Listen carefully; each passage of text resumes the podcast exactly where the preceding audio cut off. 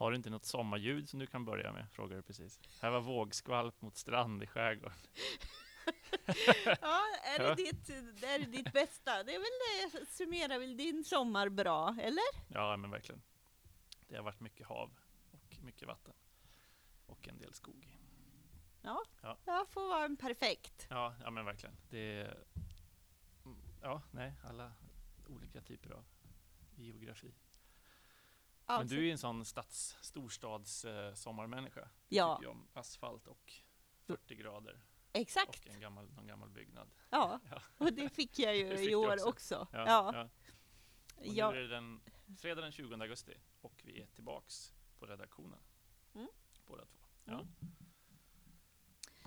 Och eh, ändå intressant. Jag har ju varit i eh, Österrike, eh, mycket för att eh, avsluta också eh, dödsbofrågor och eh, hittade ju en syster på köpet. Eh, men kopplat till mycket av det vi har bevakat så var det ju också en skillnad mot Sverige var ju hur, i vilken eh, grad man har så implementerat eh, vem som är tillgänglig, vem som har tillgänglighet i det offentliga rummet och framförallt i Wien mm. så är det ju definitivt så att man som eh, vaccinerad, tillfrisknad eller nytestad får komma in på eh, restauranger och i offentliga sammanhang. Eh, och nu vet jag sedan någon vecka tillbaka så är det ju, eh, har det ju blivit ännu strängare. Att mm, det också Eh, förut räckte det med en spruta och så vidare, eh, utan den första dosen helt enkelt. Utan nu är det, eh, och det blir allt starkare krav på att det är för vaccinerade, så där pågår ju den diskussionen väldigt mycket. Men eh, hur snabbt det går med att vänja sig med att konstant visa upp sitt eh, vaccinbevis och även hur bra det funkar i EU helt enkelt. Det var inga problem att ta del av, av liksom den, den eh, engelska, svenska versionen så att säga, mm. utan eh, det, det, var nyckeln till eh, snabb procedur och så. Sen är det ju lite annorlunda att man också fyller i ankomsttider och eh, vilket bord man sitter på och så eh, för en eventuell eh, smittspårning efteråt och så. Eh, så det där var ju intressant att se, men vi reste en del runt i landet eh, och då, mm, det är ju absolut en skillnad i, i Wien versus på, på landsbygden. Men också igen, munskydd återinfört. Vi eh, hade ju planerat resan utifrån eh, Eh, att restriktionerna helt skulle vara borta, men de, eh, på grund av deltaviruset valde man att, ju att inte släppa på dem utan att ha kvar munskydd på ja, men, eh, lokaltrafik, läkare, butiker och eh, även kulturinstitutioner och så. Eh, men eh, som, som förra sommaren under de betingelser som man reser, det finns något det är något nyttigt med att möta varandra i den här processen som fortfarande pågår och att det är väl så tydligt att det här, det är ju så här vi kommer behöva leva en längre tid. Mm. Eh, och nya varianter som dyker upp och så vidare. Men vi vet ju också hur vad antivaccinationsdiskussionerna har gått. Så det är ju någonting som vi har också fortsatt bevaka under sommaren och man ser tendenserna i länder som i Frankrike där det är ju kontinuerliga och allt större demonstrationer mot just vaccinationspass av det här slaget. Som Var det någon sån diskussion i Österrike? Var folk upprörda, eller? Nej, alltså Nej. Det, för där har man väldigt mycket landat i att den stora skillnaden är ju att när man går igenom stan och för övrigt också på de mest lustiga platser på Sacher, hotell Sacher, nu också Stefansdom.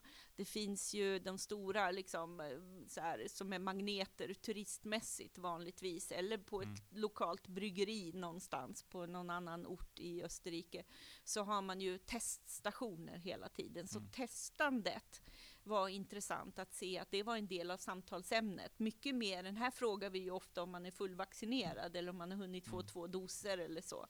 Där är tematiken mycket när man testade sig senast. Det är mycket mer inarbetat att man parallellt med vaccineringen fortfarande fortsätter testa sig också. Mm, mm. Eh, och att man hade, har diskussionen där än så länge om eh, av, eh, liksom, eh, ja, inte ett vaccinationstvång, men däremot ett testtvång, att man behöver vara konfirmerat eh, eh, i den mån det går. Så länge vetenskapen eh, gör det gällande att testerna fungerar, så kommer man fortsätta med testandet parallellt. Så var mm. argumenten mm, då, när jag var där. Mm.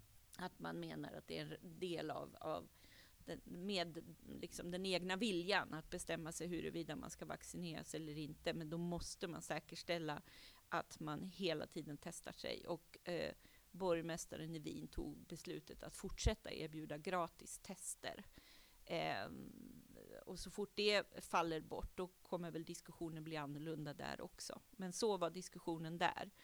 Eh, men i övrigt ser vi ju liksom ja, men en, i delstater som Kalifornien som tidigt firade att nu har vi liksom, nu går vi in i en mm. ny normalitet, liksom bortom mm. munskyddskrav och så vidare och sen är man tillbaka till, till den rutan igen och då har vi ju också eh, fångat upp i somras och skrivit om, om det här problemet med den fortsatta desinformationen och även där hur antivaccinationsinformationen ehm, eh, informationen fortsätter sprida sig och eh, de sociala medierna, Joe Biden var ju ganska skarp i sin kritik mot deras roll i det här och man har ju en intressant rapport har vi skrivit om där man lyfter fram 12 12 personer, det är väldigt mm, få, mm.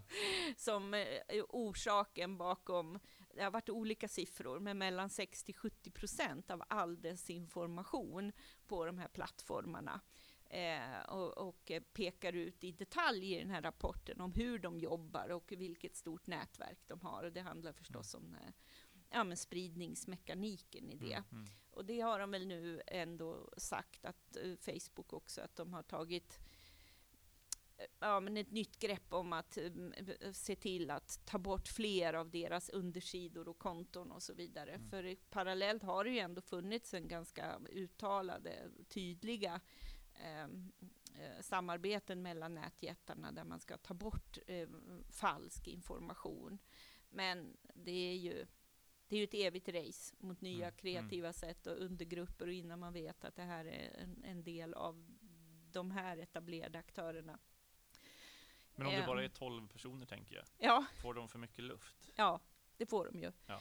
Eh, och för mycket, och, och, jag tycker att man till och med, när man sneglar lite sen när man befinner sig i någon annan del i Europa och sneglar lite på rapporteringen i Sverige, mm. så är det ju lätt att se rubrikerna här också, att eh, en minsta eh, antivaccinationstendens mm. får ändå ett utrymme som inte står i proportionalitet till Ja, men att det, vi, alltså, Siffrorna är ju skyhöga vad gäller att vaccinera exakt. sig, även bland ungdomar som ja. liksom gnälldes en del på. Men ja. nu är det ju högt där också. Men man gnäller gärna en mm, vecka mm. efter att 18-åringarna har blivit möjliga att mm, vaccinera, mm, mitt mm. i sommaren. De kan vara på en plats där de inte får tillgång till vaccination eller mm. befinner sig just då i, i ett sammanhang där det är svårare, att, att det inte handlar om en antivaccinationsvilja. Men Nej, i, i, mm. igen sneglar vi ju gärna mot utvecklingen i andra länder och tror att vi kommer rulla på i det mönstret. Mm. Mm. Men det är ju, är ju eh, det är ju verkligen så, vaccinationsviljan är fortsatt hög. Mm. Och det är den man ska lägga krut på att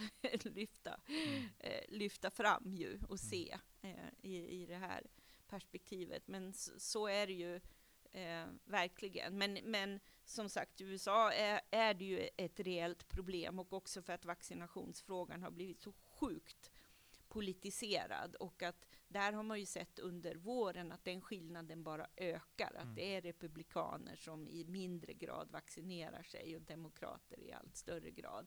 Och det, det har man ju förstått av den politiska debatten sedan länge, men den klyftan har vidgat sig ännu mer. Mm. Det finns det också nya rapporter på och det är förstås bekymrande mm. eh, i sammanhanget. Mm. Men bara idag, eh, fredag, kom det ju en kort TT-notis om någon kommun som hade informerat om eh, gratis vaccin till, till elever här i Sverige.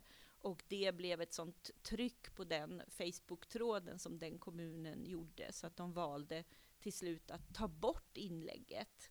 Eh, vilket är ju en konstig hantering när man faktiskt kan Det är ju bara att ta bort kommentarerna och spärra för kommentarer, men att ha den raka kommunikationen om den frågan kvar. Eh, så det, det, bubblar ju lite av det, men en sån liten grej i sammanhanget får förstås också en, en och annan, eh, ja det får en TT-artikel mm, till mm. exempel. Mm. mm. Och är, vi har ju utställning och eh, mycket material just om pandemins effekter på demokratin som är en av höstens eh, liksom större teman i höst för, för oss på Blankspot. Det finns ett schema på sajten med de orter som kommer ha utställningen och som kommer vi besöka. Där kan man också som skola eller kulturhus haka på och få den utställningen där vi har tittat på Ja, så vi har ju ett 20-tal. Precis. Mm, mm. Det är ett 20-tal pilotskolor, men materialet är ju tillgängligt för vem som helst. Mm. Och, men också allt material är ju möjligt att om man själv vill ha affischutställningen, även om man inte tillhör våra pilotarenor, mm. eh, så är det ju möjligt, det finns tryckfärdiga filer för det och allting. Mm. Och, och, det är ju ett det, vi tror ju att det här är ett fantastiskt material att reflektera över demokratins utveckling i världen, mm. men också eh, i, i och med de egna erfarenheterna. Att det finns något i den här globala, gemensamma, delade erfarenheten. Om man ser hur olika länder och regioner har jobbat med restriktioner eller vilka problem man har haft med desinformation eller att man har stängt av internet i mm. perioder. Mm. Eller att man i Sverige fortfarande inte kan hålla större demonstrationer. Mm. Vad gör det med oss i reflektionen om demokratin? Så det är ju frågeställningar som finns kring det. Så det är ju ett, det är ett gediget studiematerial där affischerna är den stora delen. Eh, men sen eh, finns det ju eh, möjligheten till föreläsningar. Eh, det finns ju både en inspelad föreläsning till det generellt, vår mm. introduktion mm. kring materialet, men man kan ju också få eh, live-föreläsningar, lite anpassad utifrån vad man jobbar med själv just nu. Mm. Eh, och så kommer det finnas ett, ett eh, magasin och även en, eh, ny bok om utvecklingen i Etiopien, mm. som mm. ju du har sammanställt. Mm. Så precis som en, en, en sammanställning av vår rapportering eh, från så att säga, eh, hoppet och Nobels fredspris och demokrati fram till dagens situation med ett inbördeskrigs, en inbördeskrigsliknande eh, situation. Mm. Där ju också pandemin har spelat en stor roll i uppskjutna val och vad det innebär att valen har skjutits upp. Mm. Mm. Så det är ju ett eh, superbra ehm, material för olika mm. ingångar till eh, demokratiutveckling. Mm. Eh, och så finns det en lärarhandledning mm, till mm, det. Eh, så att det är ju verkligen en, en stor grej här i, i höst och som man kommer få se oss runt om i landet runt det också. Annars har det ju under sommaren så har jag haft kontakt med eh, lokala journalister i många sydost, sydasiatiska länder. Eh, ska jag säga. Eh, Bangladesh, Indien, Nepal, och Sri Lanka och eh, Pakistan. Och det tycker jag väl har varit en av pandemins positiva effekter. Att visa på möjligheten att ta fram journalistik utan att själv kunna resa till alla de här platserna. Det finns kompetenta, superkompetenta kollegor som är där och kan göra jobbet eh, om man samarbetar med dem. Och eh, jag sitter nu och går igenom det materialet som de här kollegorna har, har tagit fram.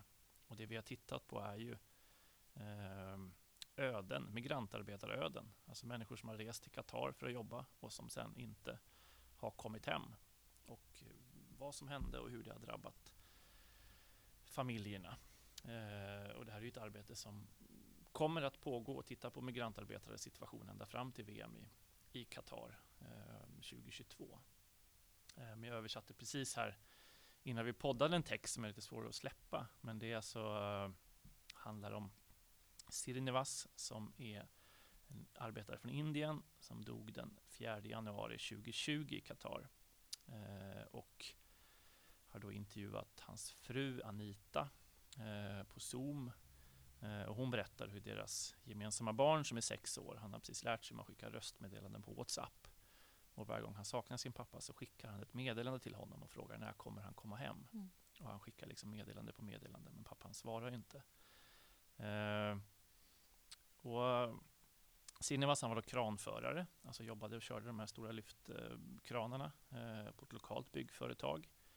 Och han tjänade bra, alltså han tjänade 50 000 indiska rupees i månaden. Eh, men, berättade mamman, att den här summan delades orättvist, som hon uttryckte det, mellan honom och personen som hade tipsat honom om jobbet och mellanhanden som anställde honom. Så att de fick också del av hans månadslön. Men eftersom, ja, som 20-åring och första gången i landet så tänkte han att det var väl så här det fungerade och sen så fastnade han i den typen av, av avtal. Eh, men han filmade ofta på sin telefon, alltså från de här, när han åkte hissen upp till den här hytten eh, i lyftkranen. Eh, och frun berättade om de här otroliga vyerna och de här otroliga skyskraporna och liksom få se det då hemma i den här byn i, i Indien.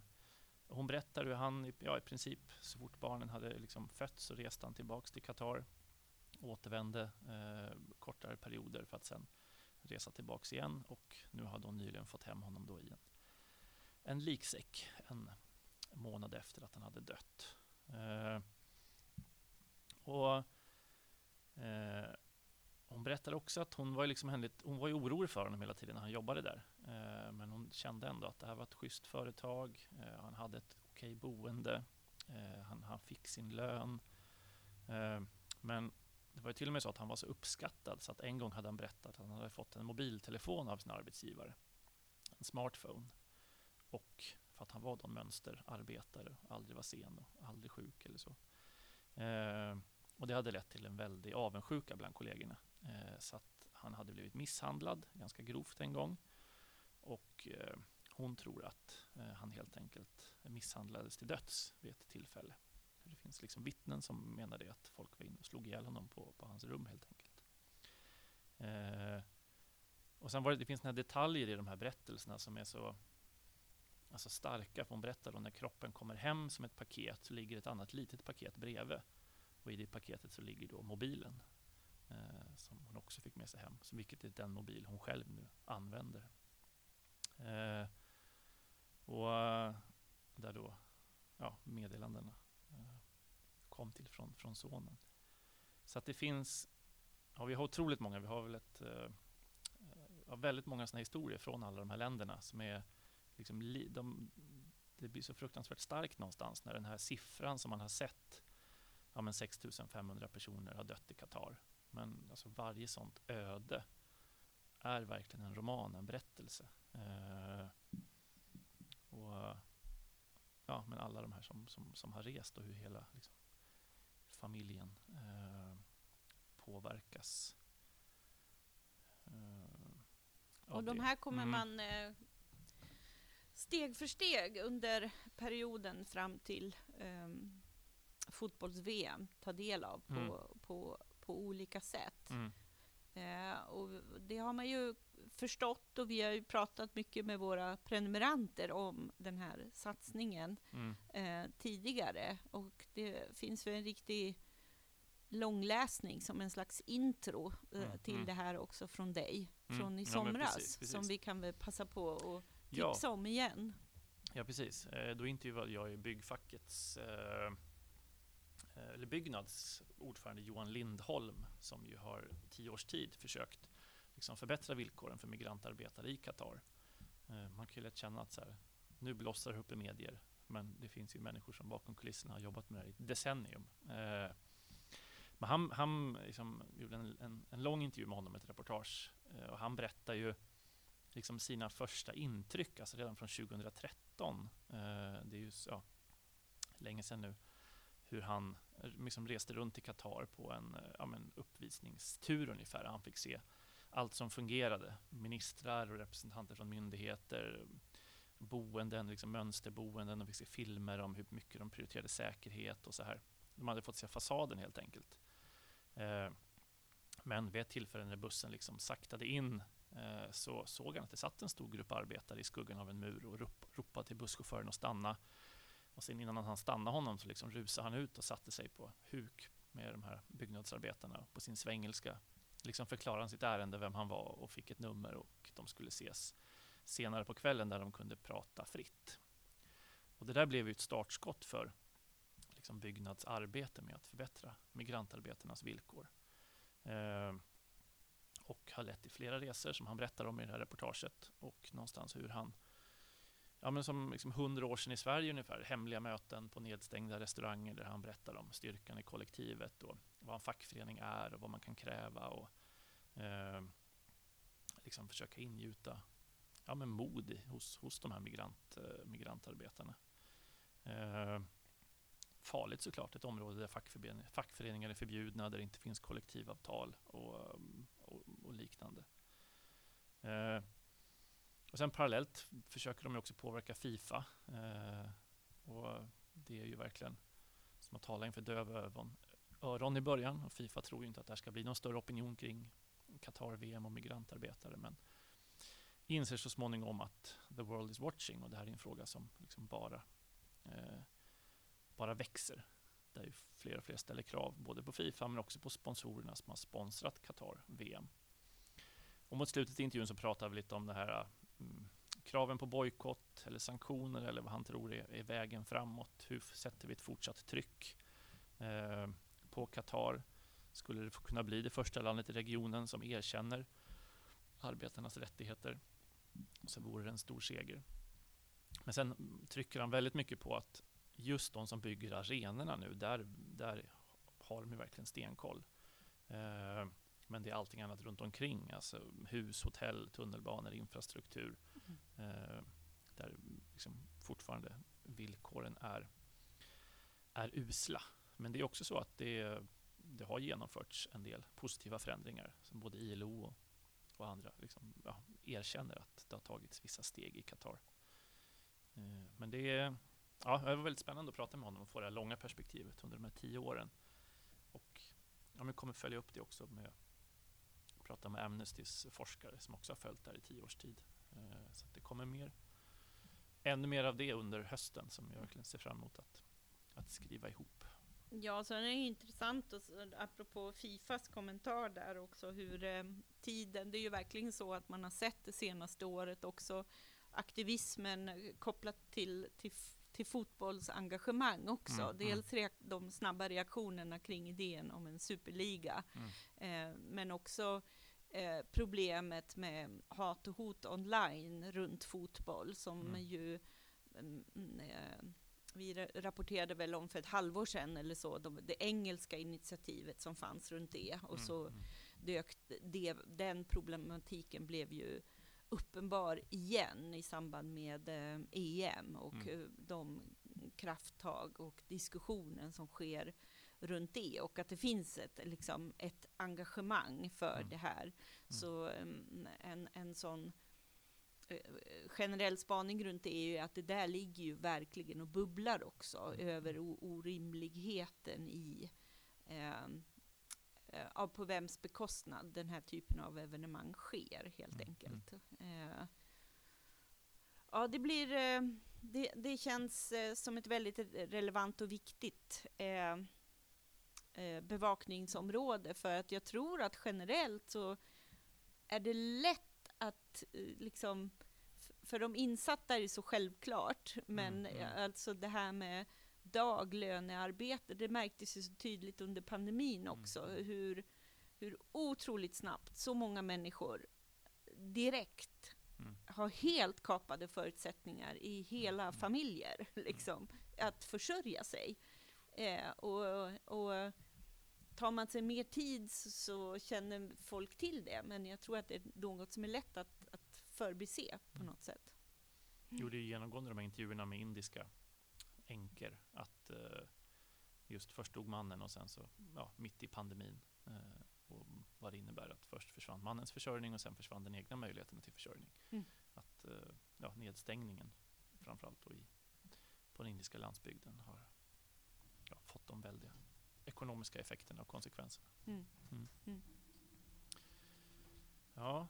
Eh, sen har vi ju under sommaren kunnat följa Mohammeds, Mohammeds dagbok. Eh, han skriver ju en gång i veckan om situationen i Kabul och hur han försökte få ordning på sitt liv där. Men under juli så började han skriva varje dag eh, texter. Det kom liksom en ny text per dag, per dag, per dag. Och Rubrikerna var talibanerna närmar sig, talibanerna närmar sig och sen så nu tvingas jag fly och lämna landet. Mm. Så att han lyckades ju ta sig ut eh, drygt två, tre veckor innan eh, ja, den här stora, innan talibanerna intog Kabul helt enkelt. Och kände ju att det var, ja, det var på väg åt det här hållet. Liksom. Det, är, det är nu eller aldrig att sticka. Det var ju därför han stack. Verkligen, ja. det var därför han stack. Och det ja. var ju det, alltså, han var ju inte ensam om att sticka då, utan Nej. alla som kunde sticka försökte ju verkligen sticka under hela juli. Eftersom det gick så pass fort och talibanerna avancerade så pass snabbt. Eh, ja, först sa ju amerikanerna i januari att de skulle lämna och sen så i maj tog man ju hem stora bulken av trupper och satte ett slutdatum då, 11 september. Och det här är ju stora liksom, ja, diskussioner nu mellan eh, alla var väl överens i USA om att dra sig ur, men hur såg den här avvecklingen ut och eh, hur pass mycket hade kaoset kunnat, eh, kunnat undvikas och vad är talibanerna 2.0 för rörelse? Är de annorlunda? Eh, jag mm. hade en text efter att en av talespersonerna höll en presskonferens och lovade att nej, vi ska inte röra journalister, vi ska respektera pressfriheten, medier är viktiga för att ledare ska kunna korrigera sina misstag. Men också sägningar att eh, ja, medier måste såklart respektera sharia-lagar och eh, nationens liksom, ärbarhet. Och kränker man det så, eh, så kommer man inte kunna jobba journalistiskt. Och ja, på samma sätt som det eh, maktövertagande har gått smidigare än vad många kanske hade föreställt sig så börjar det komma nu rapporter om att journalister eh, plockas upp som gömmer sig. Deutsche Welle fick sin, en av sina eh, medarbetare mördad här i veckan och ja, det finns rapporter också om att talibanerna är runt och frågar efter andra reportrar och journalister och, och Det var en släkting till medarbetare va? En släkting till medarbetare ja, i, i, jakten ja. på en journalist. Precis, ja. precis. Mm. Eh, så det är en, en utveckling som eh, vi följer både genom Mohammads texter. Han fortsätter ju rapportera om utvecklingen fast han inte är där själv med sina källor. Och vi hade också texter av Göran Engström från sin senaste reportageresa. Kommer ju fortsätta att följa det. Du har ju tittat lite på talibanerna och sociala medier. Ja, ja.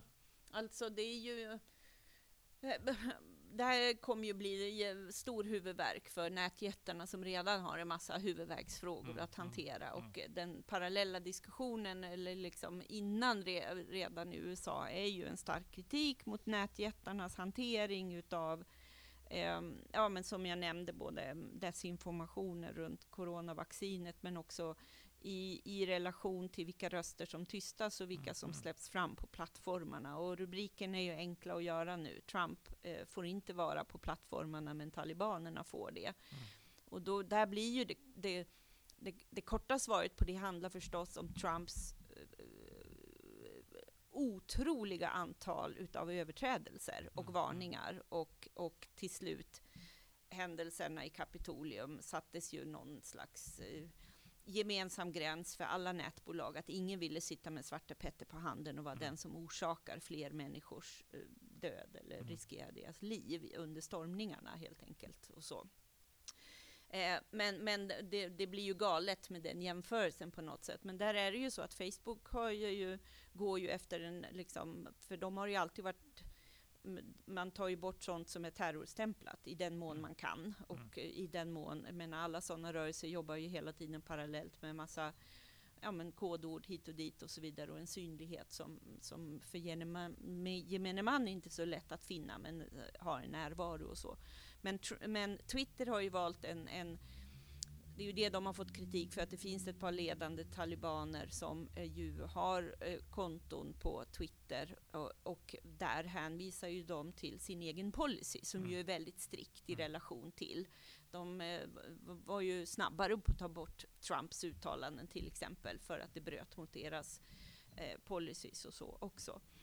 Um, um, men uh, här kommer de ju få sån intern kritik för att um, i, i, liksom, alla politiska skeenden uh, har ju liksom, har inte amerikanerna lika mycket intressen i heller på det sättet. Man, det är lättare att inte förstå vad som händer. Men här är ju alla i mycket större grad eh, insatta i. Så att det här, ja, mardrömsperspektiv att jobba med att vara en nätjätte och mm. ha modereringsansvaret och att det är inte bara så enkelt att blocka eh, terroristparterna. Liksom. Fanns ju, finns ju alla de här underdimensionerna av, nu pratas det om de, Forbes eh, gjorde någon artikel om de officiella afghanska kontona, vem ska ta dem då? Liksom? Ska man mm. överlämna dem till talibanerna eller hur, hur ska det se ut? Då får de ju eh, gratis en, mm. en, en, en, en uh, ny publik som plötsligt, ja, en legitimisering av det som sker mm. under de mm. här villkoren och mm. inte jämförbara med demokratiskt övertagande som när eh, Biden får Trumps officiella eh, mm. mm. Twitterkonto till exempel och så vidare. Mm. Så att det är mycket sånt att, att hantera, men det man eh, och, och, parallellt måste man ju kunna ha en massa moderatorer som kan alla språk i regionen. Och man ska inte heller glömma de här kanalernas viktiga roll inte bara för att liksom, bygga det narrativ eh, talibanerna vill. Det handlar ju om att också kunna göra sin röst hörd om utifrån där den här PR-bilden av vad de vill åstadkomma i sin nya version mm, mm. snabbt kommer prövas av verklighetsupplevelser mm. i hela landet. Och, och, då blir ju nättillgången otroligt viktig för att få mm, ut mm. de berättelserna snabbt. Eh, och det är klart att eh, beroende på vilka, vart är de på väg? Liksom? Vill de liksom bli en del av världssamfundet eller inte? Hur ser de här stegen ut? Hur snabbt kommer de visa sig vara de värsta bilderna av vad man kan tänka sig kan ske? Mm. Eller finns det någon slags... Eh, men då är ju möjligheten att stänga av nätet kommer ju vara en sån som vi har sett på ett bekymmersamt sätt redan under våren i regioner, mm. i mm. Nigeria, när det har mm. dykt upp saker, eller i Indien i vissa områden, eller också kopplat till coronapandemin. Så eh, var det ju i Kashmirregionen hade man ju ingen internettillgång i perioder. Mm. Det där är ju ett redskap som finns mm. inom mm. räckhåll och det handlar ju just om det. Att det också är så starka plattformar för att visa hur det ser ut på riktigt för människor. Så det här är ju intressant att följa framöver. Mm. Men eh, absolut att talibanerna är ytterligare en eh, väldigt svårt problem för nätjättarna att hantera i en väldigt ifrågasatt roll just nu. De tog ju själva upp det, talibanernas talesperson, just under presskonferensen. Ja. När han blev tillfrågad om yttrandefrihet i landet. Mm. Så han, den frågan ska du ställa till Facebook. Mm. Alltså det, det visar ju också någonstans att det här är andra talibaner än för 20 år sedan. Ja. Eh, jag tycker generellt, jag är nyfiken ja, ja. på det. Har du, för jag, jag tycker ju de här referenserna till vad som var för 20 år sedan mm, mm. är lite märkliga ja, för mig. Ja, mm. För det finns alltså den här typen av, av rörelser um, och, och, och, man skulle vilja prata med ja. 96 är ju, det är ju väldigt länge sedan. Ja. Det är en annan, det är ett 90-tal. Ja. Det, det är en tid före. Och nu när man också har tagit över alla de här eh, högteknologiska vapen som USA har haft och allting, mm. liksom. Eh, man kommer ju ha kunskap till att hantera dem också, liksom. Mm, mm. Och så. Det, den här, det är ju just nyckelfrågan där om vad, vad, vad ser den, den rörelsen ut som nu? Mm. Och det där citatet mm, avslöjar ju att man faktiskt har koll på Ja, och andra talibaner, men också ett annat Afghanistan. För det är ändå positivt, de här demonstrationerna, mm. kvinnorna som höll upp plakat och de som gick med den stora flaggan genom Kabul. Och, eh, Otroligt det, mm. liksom, ja, Hur man förhåller sig till det helt enkelt. Mm. Eh, ja, blir också eh, någonting att, att följa. Eh, jag såg en, eh, inte riksbankschefen, men han flydde ju. Men någon annan som hade jobbat ja, inom bankväsendet i Afghanistan som skrev just om vad händer med, med alla landets tillgångar och beskrev ju då att det är väldigt lite, det är inte så att det finns ett bankvalv med liksom miljoner dollar i utan eh, det finns väldigt lite pengar i cash och resten sitter ju på bankkonton runt om i världen eller är liksom inlösta i olika typer av tillgångar. Eh, och de är ju frysta eftersom talibanerna är terrorstämplade ja eh, av Världsbanken och annat. Det, det kommer man inte åt. Samtidigt som biståndsutbetalningarna som gick till staten stoppas ju och mm. leveranserna av cash stoppas ju. Eh, så att utifrån det perspektivet så blev det ju för ja, liksom statens överlevnad viktigt för talibanerna att få det där erkännandet. Och då för att kunna få tillgång till de, de medlen helt enkelt. Eh, men ja, det ja, I Twitter-tråden så var det då att talibanerna går runt och frågar ungefär var är, var är pengarna? det, det, är väl den här, ja men både och. Eh, både det medeltida liksom, perspektivet och självklart har de folk som är ekonomer och har koll på, på det också. Mm. Mm. Mm. mm. Vad säger du om eh, diskussionen kring hur UD hanterat tolkar och lokalanställda? Och, eh, Nej, men det är ju den, det, det som blir eh, i relation till oavs, jag är ju för in, oinsatt i mm. liksom Nej, men jag tänker just kommunikationen kring det. Man ja. står och säger så här, vi ska ta ut alla Ja. Och sen tre timmar senare bara, eh, vi får nog inte ut någon. Nej. alltså den, ja. Och i relation till det du inledde det här segmentet med att berätta om Mohammeds insikt om att vi måste sticka. Ja, ja. Mm. Så det är där det blir. Mm, mm. Oavsett mm. min låga kunskap mm, om mm. liksom, ja, diplomati hit och dit och hur vi gör och hur vi kommunicerar det, så är det ju oerhört märkligt att man inte har planerat för detta. Liksom, och, och säkerställt Eh, och det är väl det mest bekymmersamma. Igår såg jag eh, i ena sidan i, i eh, österrikiska tidningar rapporteras om den tydliga planen för att få hem österrikiska mm. Eh, medborgare och lokalanställda som de hade jobbat med. Mm. Och sen någon timme senare här kommer ju de svenska medierna det som väl idag verkligen har bekräftats att det är, eh, det är inga andra än amerikaner Nej. som kommer kunna lämna. Nej. Nej. Eh, och, och att inte den, den planeringen och kommunikationen runt det är ju otroligt märkbar, mm, mm. märklig. Mm. Eh, och, och eh, jag kan känna så är det så självklart att eh, man kunde väl också, jag tänker sådana här um, andra ambassadörer, vet jag, Harald Edelstam eller annat, hur agerar man där ett samhälle liksom förändras väldigt snabbt? Vad gör man? Ambassaden är ändå svenskt territorium. Alltså vad, vad hade hänt om man hade då, nej men jag stannar kvar liksom. Ni kan söka skydd här på ambassadområdet. Mm. Eh, vi stannar här och rider ut den här krisen eh, tillsammans. Det hade ju blivit en, snacka om att bli, alltså, ja, agera moraliskt, eller vad ska säga. Men man kanske inte har det utrymmet.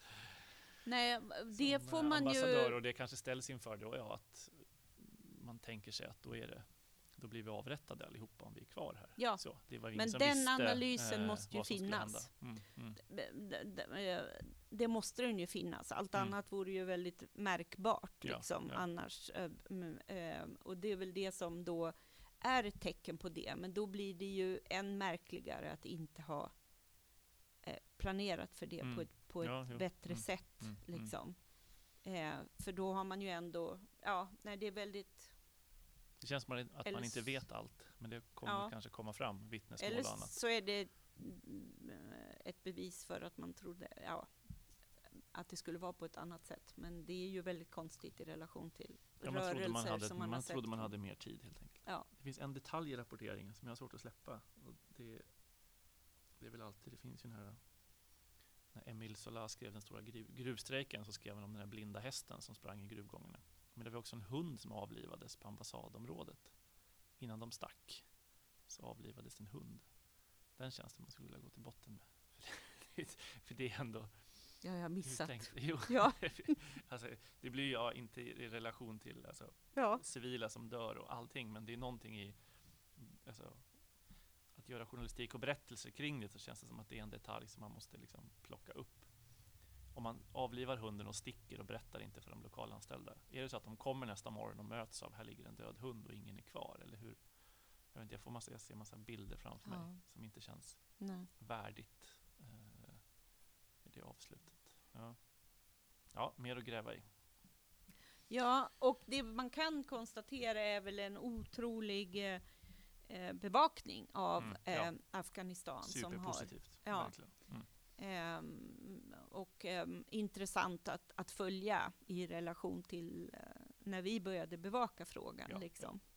Um, ja, men det är man ju luttrad över. Ja. Afghanistan är ju ebb och flod. Ibland ja. är det som att kasta en sten i vattnet och skriva om Afghanistan. Ja. Intresset är ja, otroligt lågt. Och nu plötsligt så är det ingenting är för litet för att rapporteras om som mm. händer i Kabul. Med all, med all rätta. Mm. Liksom, ja. Nyhetsvärderingsmässigt och historiskt är det ju det som händer. Mm. Ja. Ja, vad har vi? Är det något mer vi ska sy ihop säcken runt som vi har glömt att lyfta fram? Um, Nej. Ja. Men vi är back in business, alla ja. som följer podden, som följer Blankspot. Uh, vi har ju hållit ett lite lägre tempo under sommaren med uh, varannan vecka, var tredje veckas utgivning.